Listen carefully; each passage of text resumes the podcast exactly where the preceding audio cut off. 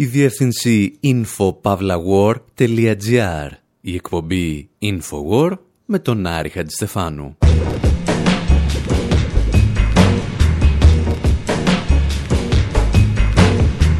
Όπου σήμερα αναρωτιόμαστε εάν ο αντικομφορμισμός άλλαξε στρατόπεδο. Γιορτάζουμε τα 40 χρόνια από την κυκλοφορία του άλμπουμ The Clash από τους Clash. Ακούμε όμως και τον Johnny Rotten των Sex Pistols να δηλώνει ταυτόχρονα προλετάριος αλλά και θαυμαστής του δισεκατομμυριούχου Donald Trump. Ακούμε ένα προς ένα τα τραγούδια των Clash από εκείνο το άλμπουμ του 1977 ξεδιπλώνοντας την κρίση του οικονομικού συστήματος που μας τυραννά ακόμη και σήμερα συζητάμε για κιθαρίστες που άνοιγαν γράμματα παγιδευμένα με εκρηκτικά, αλλά και για εκρηκτικές τραγουδίστριες που άνοιγαν οίκους ανοχής. Όπως σας είχαμε προειδοποιήσει δηλαδή, συνεχίζουμε να θεωρούμε το 2017 τη χρονιά της πανκ και τιμάμε τα 40 χρόνια ενός ρεύματος που άλλαξε την μουσική, αλλά δεν άλλαξε τον κόσμο.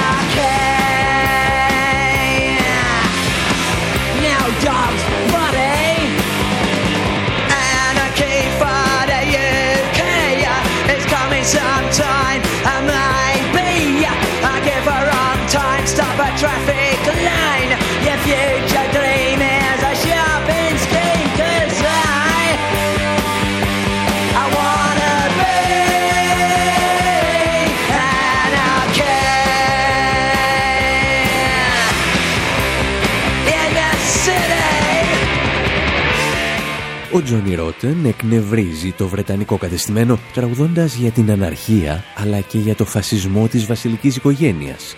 Εκεί πίσω, στο καθόλου μακρινό 1977. Την χρονιά που όπως έχουμε ξαναπεί η Πανκ εξεράγει.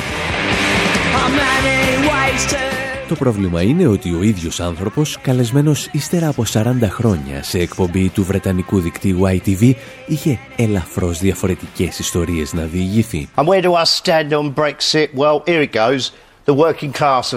Ποια είναι η στάση μου απέναντι στο Brexit; Η εργατική τάξη μίλησε και είμαι ένας από αυτούς και είμαι μαζί τους.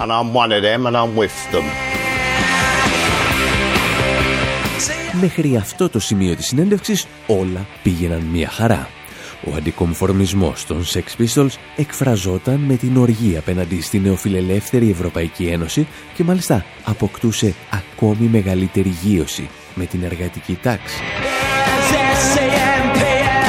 Η χαρά όμως τελείωσε νωρίς και το δράμα ξεκίνησε όταν ο παρουσιαστής ζήτησε τη γνώμη του τραγουδιστή για τον Ντόναλτ Τραμπ. The Donald. Wow. There's a complicated fella. And, uh, as one Ο Ντόναλντ. Είναι σύνθετη περίπτωση. Ένας δημοσιογράφος μου είπε ότι αποτελεί την πολιτική εκδοχή των Sex Pistols. Τα αριστερά μέσα ενημέρωση στην Αμερική προσπαθούν να το στιγματίσουν σαν ρατσιστή, ενώ δεν είναι. Έχει πολλά προβλήματα, αλλά δεν είναι ρατσιστής. σω μάλιστα να υπάρχει μια ελπίδα να βγει και κάτι καλό από αυτή την κατάσταση, γιατί τρομοκρατεί τους πολιτικούς. Και αυτό με ευχαριστεί ιδιαίτερα. This is joy to behold. Σε άλλο σημείο της συνέντευξης, ο παλιός Sex Pistols στηρίζει και τον Βρετανό ακροδεξιό πολιτικό Nigel Farage, τον οποίο μάλιστα αποκαλεί φανταστικό τύπο.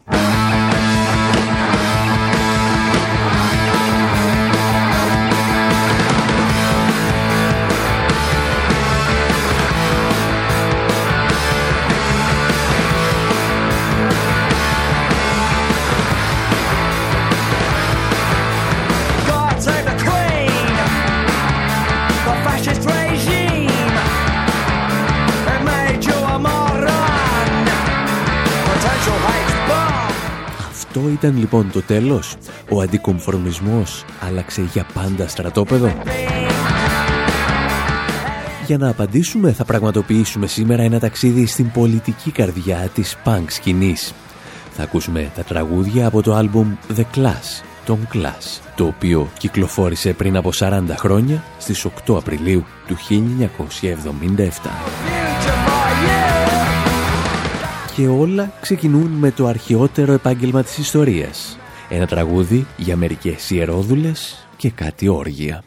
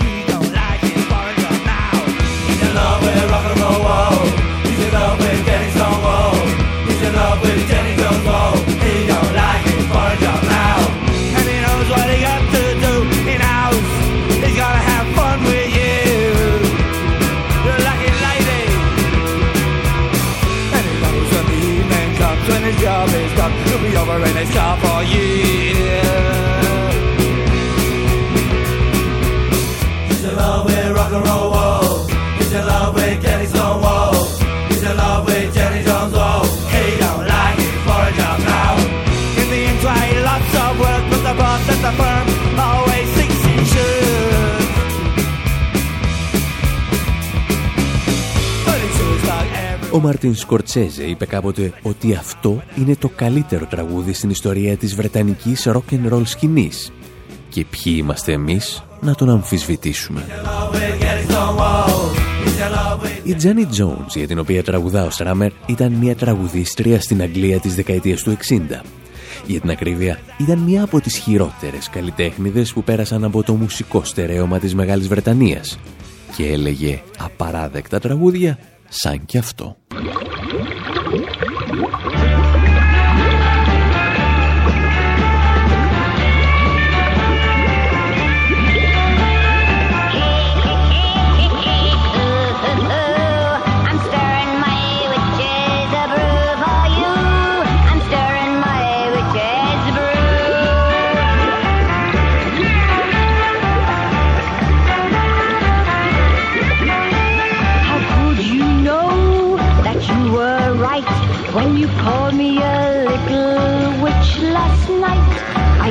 naughty charms that work to taboo.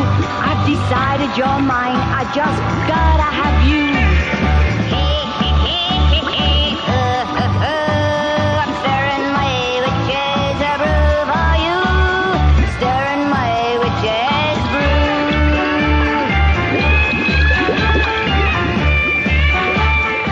Επειδή μάλλον καταλάβαινε και η ίδια ότι με τη φωνή δεν θα πάει μακριά, η Τζένι Jones άρχισε να οργανώνει τα καλύτερα όργια στο Λονδίνο μόνο που από κάποια στιγμή και μετά αποφάσισε να βγάλει και ένα μικρό κέρδος. Και έτσι, λίγα χρόνια αργότερα, την συνέλαβαν και την φυλάκισαν για μαστροπία. Για την ιστορία, οι κακές γλώσσες ανέφεραν ότι οι δισκογραφικές εταιρείες χρησιμοποιούσαν τότε τα πάρτι της Jones για να δωροδοκούν μουσικούς παραγωγούς του BBC, ώστε να παίζουν τα τραγούδια τους στον ραδιοφωνικό αέρα. Το BBC διέταξε τότε διοικητική έρευνα για τις καταγγελίες, αλλά για τέσσερις δεκαετίες ξέχασε να παρουσιάσει το πόρισμα. Εμείς πάντως, όταν περάσαμε από τις πόρτες του Bush House στο Λονδίνο, δεν αντιληφθήκαμε τίποτα σχετικό. Και έτσι απογοητευμένοι περνάμε στο δεύτερο τραγούδι, το άλμπουμ The Class, τον Class, το Remote Control.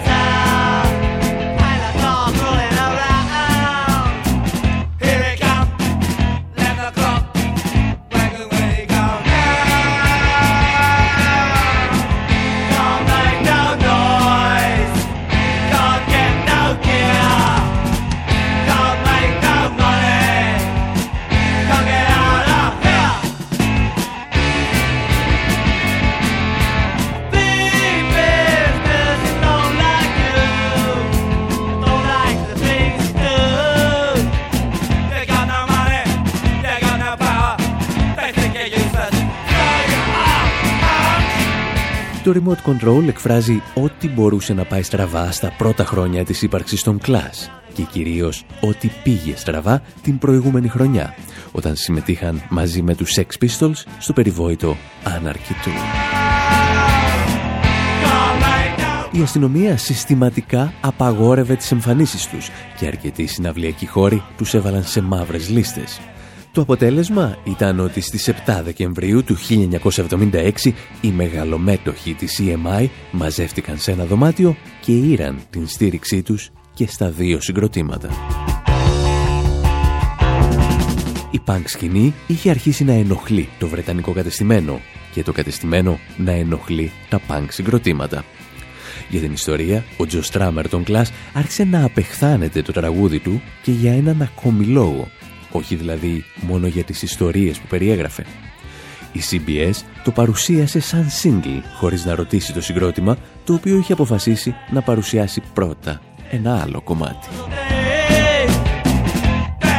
Εκνευρισμένοι λοιπόν και εμείς, όπως ο Στράμερ, προχωράμε αμέσως στο επόμενο τραγούδι. I'm so bored with the USA.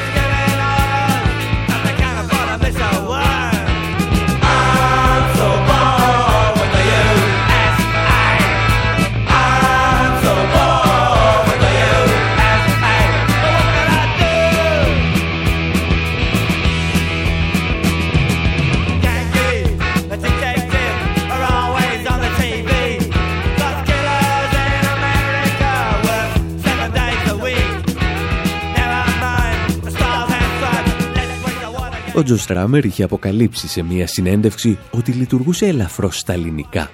Σαν ένα καλλιτεχνικό πολίτμπουρο διέγραφε τους ανούσιους και απολύτικους στίχους. Μια μέρα ο κιθαρίστας Μικ Τζόνς του παρουσίασε ένα τραγούδι που είχε γράψει για την κοπέλα του. Και ο τίτλος αυτού «I'm so bored with you».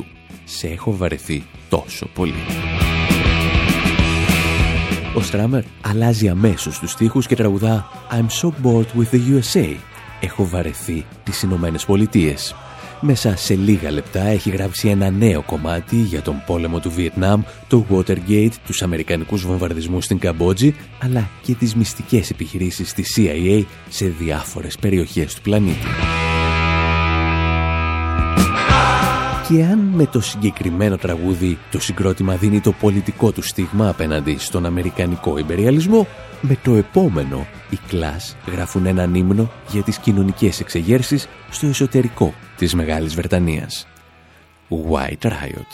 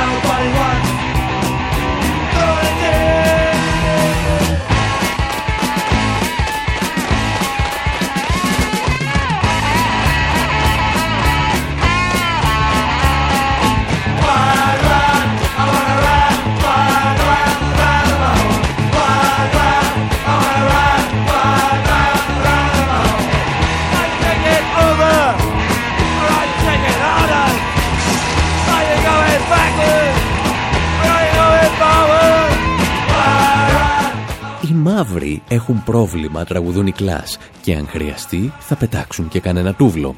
Οι λευκοί όμως πηγαίνουν στο σχολείο τους και εκεί γίνονται στόκοι.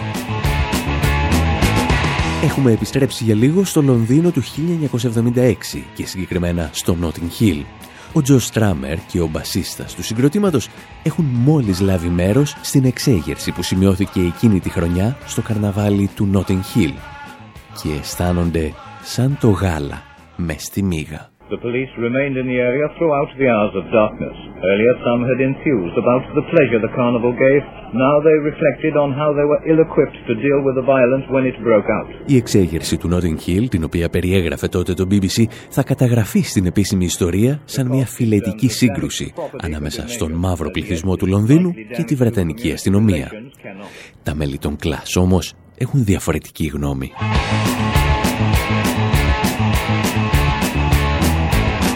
Οι κλάσεις συμμετέχουν και οι ίδιοι στις ταραχές, παρά το γεγονός ότι είναι λευκοί. Ο Δε Στράμερ είναι και γόνος διπλωματικού υπαλλήλου του Foreign Office.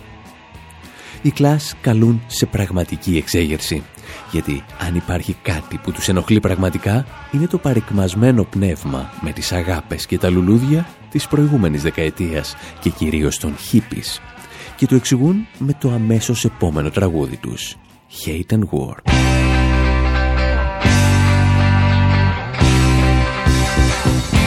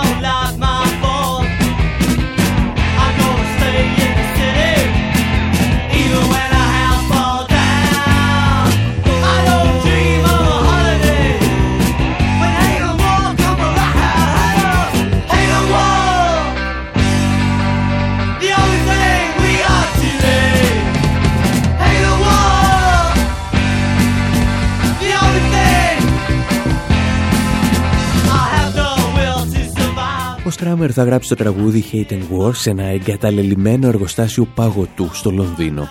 Είναι ίσως το καλύτερο σημείο στη Βρετανική πρωτεύουσα για να φέρει σε αντιπαραβολή τη μιζέρια της Αγγλίας του 70 με την χρωματιστή αλλά ελάχιστα πολιτική επανάσταση των χίπης που είχε προηγηθεί μία δεκαετία νωρίτερα. Σήμερα πάντως το τραγούδι θα κοβόταν από τους επιγόνους των χίπης που θα ενοχλούνταν από τις λέξεις που χρησιμοποιεί για να περιγράψει τους μαύρους αλλά και τους Έλληνες μετανάστες. Τους κεμπάπ Greeks όπως τους έλεγε.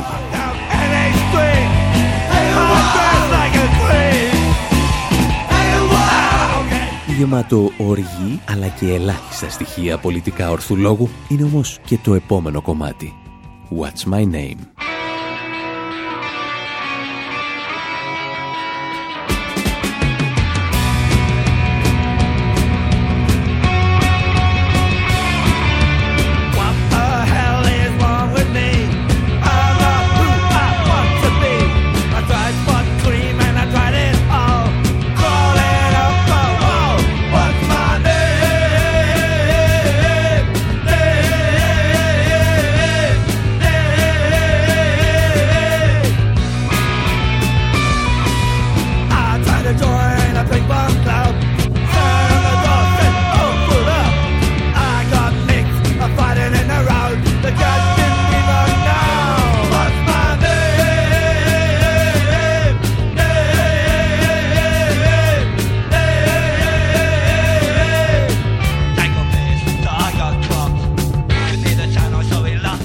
My Name είναι ένα ακόμη τραγούδι που δίνει φωνή στην απόγνωση που φέρνει η οικονομική κρίση της δεκαετίας του 70 στη Βρετανική νεολαία. Ο ήρωάς μας δεν καταφέρνει να γραφτεί ούτε σε μία λέσχη για να παίζει πινκ-πονκ. Και αυτά ενώ οι οδομαχίες όπως λέει ανάμεσα σε αντίπαλες ομάδες κλιμακώνονται στους δρόμους του Λονδίνου. Συγκρούσεις που πολλές φορές παίρνουν τα χαρακτηριστικά μαχών ανάμεσα σε φασίστες και αντιφασίστες. Κάπου εδώ όμως φτάνουμε στη μέση των τραγουδιών που περιλαμβάνονται στο ομότιτλο άλμπουμ των Clash. Και εσείς μένετε εδώ, καθώς κοιτάζουμε το παρελθόν για να καταλάβουμε εάν ο αντικομφορμισμός της Punk άλλαξε οριστικά στρατόπεδο.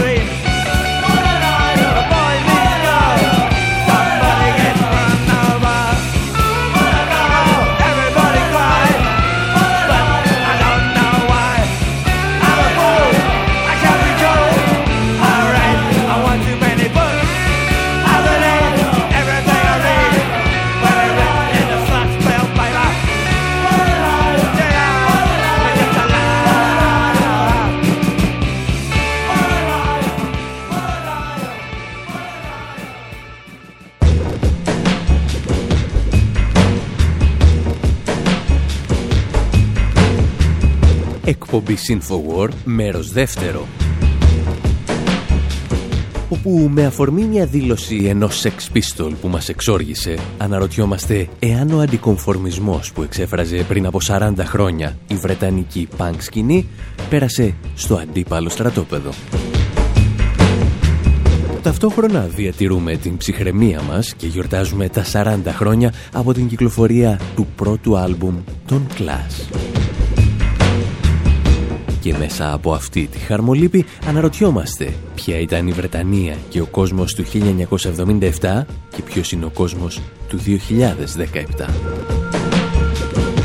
Τότε πάντως, πριν από 40 χρόνια, το Λονδίνο και εγώταν. London's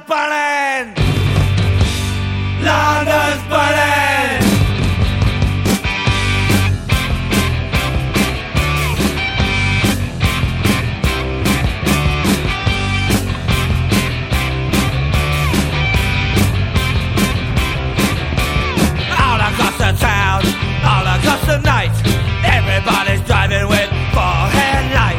Black or white, you turn it on your face and new religion.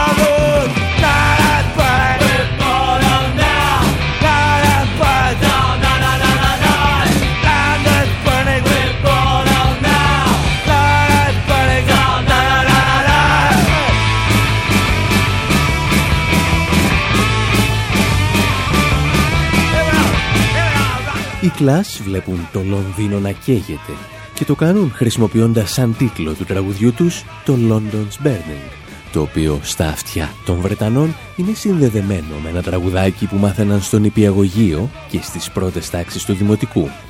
Ένα τραγουδάκι που πήγαινε κάπως έτσι.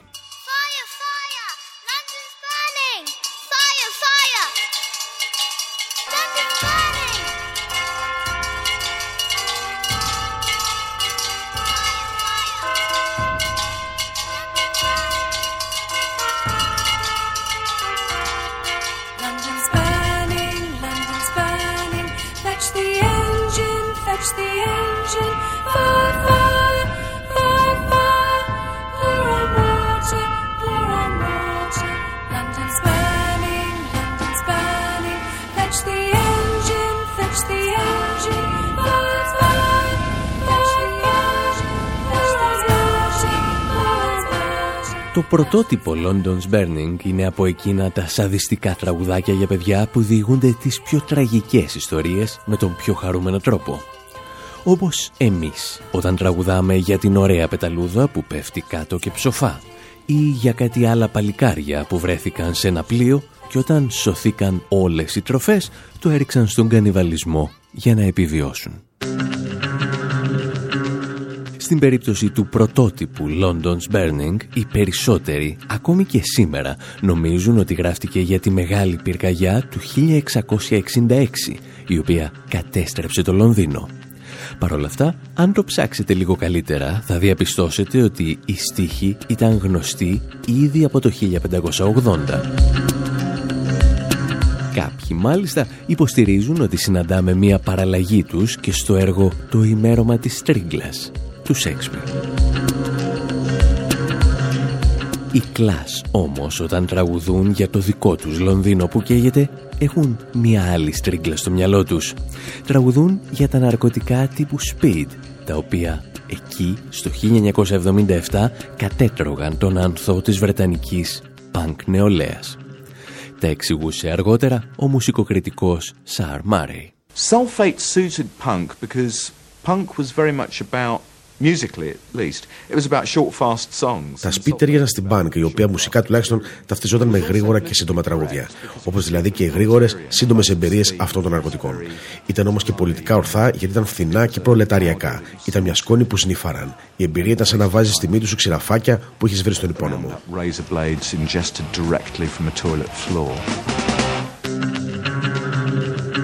Ο Τζο Στράμερ θα καταδικάσει από πολύ νωρίς τα ναρκωτικά με το πολύ απλό επιχείρημα ότι τα πάνω τους δεν αξίζουν τα κάτω τους. Οι τρομακτικές παρενέργειες δηλαδή δεν μπορούν να συγκριθούν με τις ελάχιστες στιγμές ικανοποίησης που σου προσφέρουν.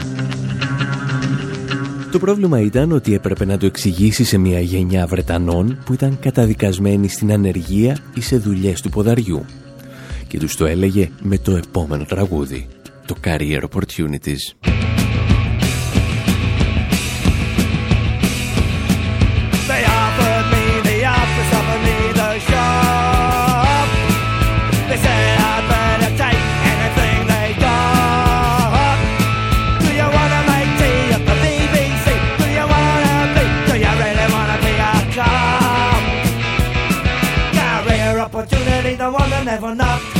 Job they offer used to keep you up the dock. Career opportunity, the one that never knocked. I hate the army and I hate the RAF. I don't wanna go fighting in the jungle heat. I hate the seven Sunday blue. I won't open letter bomb for you. Career opportunity, the one I never knock. Every job they offer you. Μου πρότειναν, λέει, μια δουλειά σε γραφείο και μια δουλειά σε μαγαζί. Μου είπαν να πάρω ό,τι και αν μου δώσουν. Θέλεις όμως πραγματικά να σερβίρεις τσάι στο BBC. Θέλεις πραγματικά να γίνεις μπάτσος; Οι Clash, όπως και η ολόκληρη η punk σκηνή του 1977, τραγουδούν για την εποχή που το καπιταλιστικό σύστημα έχει πάψει να υπόσχεται συνθήκες πλήρους απασχόλησης. Και το μόνο που έχει να προσφέρει είναι δουλειές δεύτερης κατηγορίας. Και όσοι είδατε την τελευταία ταινία του Ken Loach θα γνωρίζετε ότι ακόμη εκεί βρίσκονται. Για την ιστορία, ο τίτλος του τραγουδιού είναι εμπνευσμένος από ένα πρωτοσέλιδο της εφημερίδας Evening Standard που υποτίθεται ότι υποσχόταν ευκαιρίες επαγγελματικής αποκατάστασης. Η πιο συγκλονιστική ιστορία όμως περιλαμβάνεται στον στίχο που λέει «Δεν πρόκειται να ανοίγω εγώ τα παγιδευμένα με εκρηκτικά γράμματά σας». Η ιδέα για αυτό το στιχάκι ήρθε από τον κιθαρίστα Mick Jones, ο οποίος πριν μπει στο συγκρότημα είχε μία περίεργη εργασία. Ήταν δημόσιος υπάλληλος και έπρεπε να ανοίγει την αλληλογραφία που έφτανε σε διάφορες υπηρεσίες και για την οποία υπήρχαν φόβοι ότι μπορεί να περιείχε εκρηκτικούς μηχανισμούς. Κάτι δηλαδή σαν τα γράμματα που φτάνουν σήμερα σε Γερμανούς αξιωματούχους και στη θέση του αποστολέα διαβάζεις Άδωνης Γεωργιάδης και Βασίλης Κικίλιας. Όταν γράφεται πάντως στο τραγούδι των Κλάς, αν κυκλοφορούσες στο City του Λονδίνου, εκεί που χτυπά η επιχειρηματική καρδιά της Βρετανικής οικονομίας, θα συναντούσες και αστυνομικούς με μεγάφωνα που διάβαζαν το παρακάτω μήνυμα. Ladies and gentlemen, this is the City Police mail warning. Κυρίες και κύριοι, ακολουθεί ανακοίνωση της αστυνομίας του City του Λονδίνου. Παρακαλείστε να μην πλησιάζετε γράμματα ή πακέτα για τα οποία δεν έχετε πληροφόρηση. Αφήστε τα στη θέση τους. Αν έχετε αμφιβολίες, καλέστε την αστυνομία. Σας ευχαριστούμε. Contact the police. Thank you. Ο φόβος της Βρετανικής αστυνομίας ήταν τα παγιδευμένα με εκρηκτικά γράμματα και πακέτα που υποτίθεται θα έστελνε ο Ιρλανδικός Δημοκρατικός Στρατός. Ο Ήρα βέβαια, τον οποίο τόσο φοβόντουσαν οι Βρετανικές αρχές, ελάχιστα ασχολήθηκε με παγιδευμένα γράμματα. Προτιμούσε να χτυπά τους στόχους του με αυτοκινητοβόμβες και άλλους εκρηκτικούς μηχανισμούς. Τρομοκρατικές επιθέσεις μιας άλλης εποχής που μας φέρνουν και στο επόμενο κομμάτι στο υποεξέταση άλμπουμ των Clash, Cheat.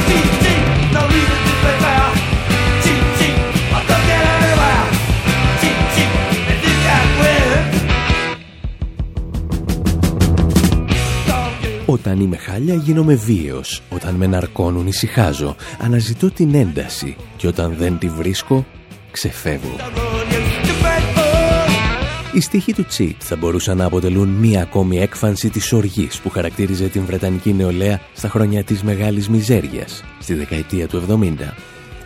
Αρκετοί όμως πιστεύουν ότι το τραγούδι ήταν εμπνευσμένο από τους λεγόμενους King Mob, μια ομάδα καταστασιακών που δρούσε στο Λονδίνο εκείνη την εποχή. Στόχος των King Mob, όπως τουλάχιστον άφηναν να εννοηθεί από τα γραπτά τους, ήταν να αναδείξουν την πολιτισμική αναρχία στο Λονδίνο. Με απότερο στόχο, όπως έλεγαν, να πυροδοτήσουν μια προλεταριακή επανάσταση. Δηλαδή, φέξε μου και γλίστρισα. Ή ίσως και όχι. Αρκετοί υποστηρίζουν ότι οι King Mob είχαν σχεδιάσει σειρά καταστασιακών επιθέσεων σε ολόκληρη την Αγγλία.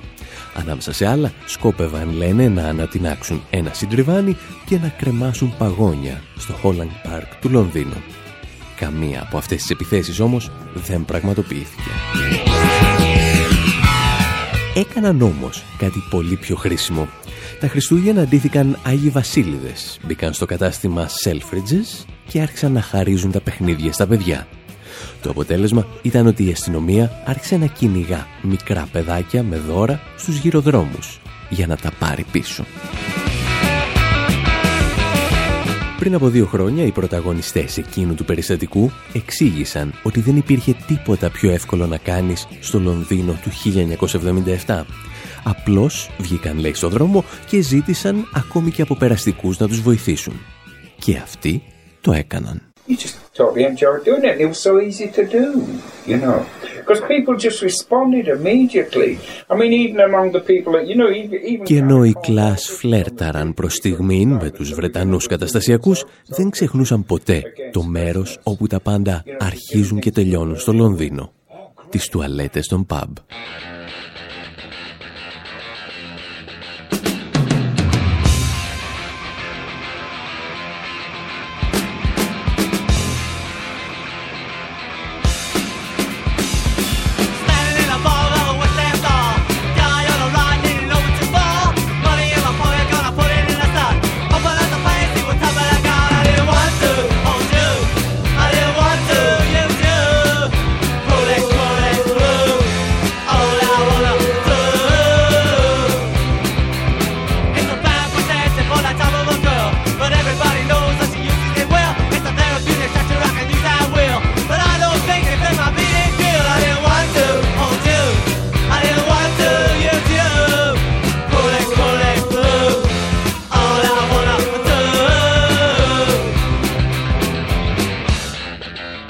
Η αλήθεια είναι ότι για το συγκεκριμένο τραγούδι δεν υπάρχουν και πολλά να πεις. Είναι απλώς ένα σύμνος για τα προφυλακτικά που βρίσκεις σε αυτόματους διανομής στις τουαλέτες των μπαρ. Πιθανότατα πρόκειται για ένα από εκείνα τα τραγούδια που πρέπει να γράψεις την τελευταία στιγμή γιατί ο ρημάδης ο δίσκος δεν κλείνει με τίποτα και η δισκογραφική σε τραβάει από το μανίκι.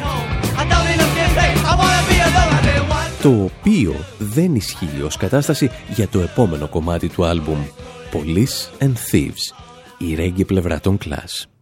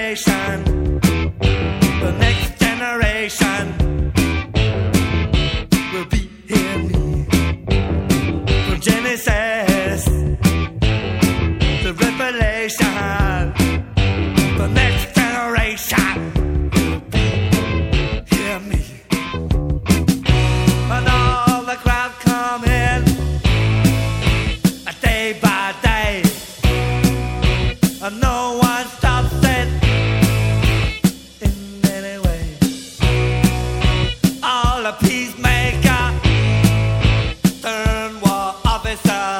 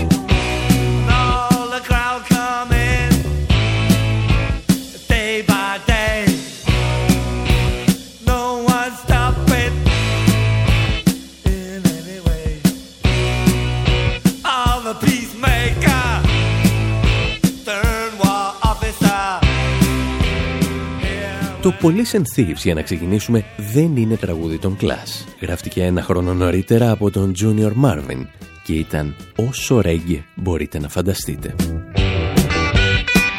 Αν και ο Μάρβιν φέρεται να δήλωσε ότι οι Clash του κατέστρεψαν το τραγούδι, το συγκρότημα του Τζο Στράμερ έστελνε με αυτό ένα σαφές μήνυμα. Ήταν καταρχήν η πρώτη του σύνδεση με τη ρέγγε, την οποία θα δούμε σε αρκετά ακόμη τραγούδια τα επόμενα χρόνια. Κυρίως όμως ήταν το κλείσιμο του ματιού στην κοινότητα των μεταναστών από την Τζαμάικα, που αποτελούσε ένα από τα πιο καταπιεσμένα τμήματα της Βρετανικής κοινωνίας. Εκείνες οι σκιές που χάνονταν στο σκοτάδι όταν η Βρετανική νεολαία έβγαινε για τις 48 ώρες της διασκεδασής της, κάθε Σαββατοκύριακο.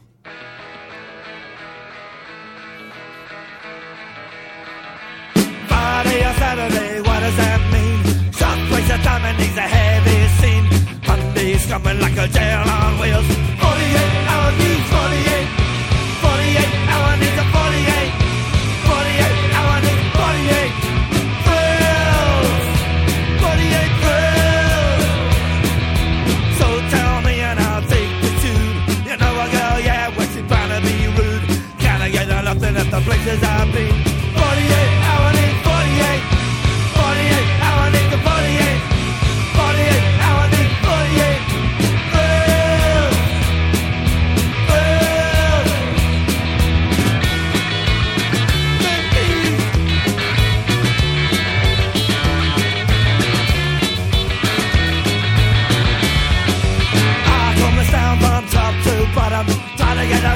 my legs are broken.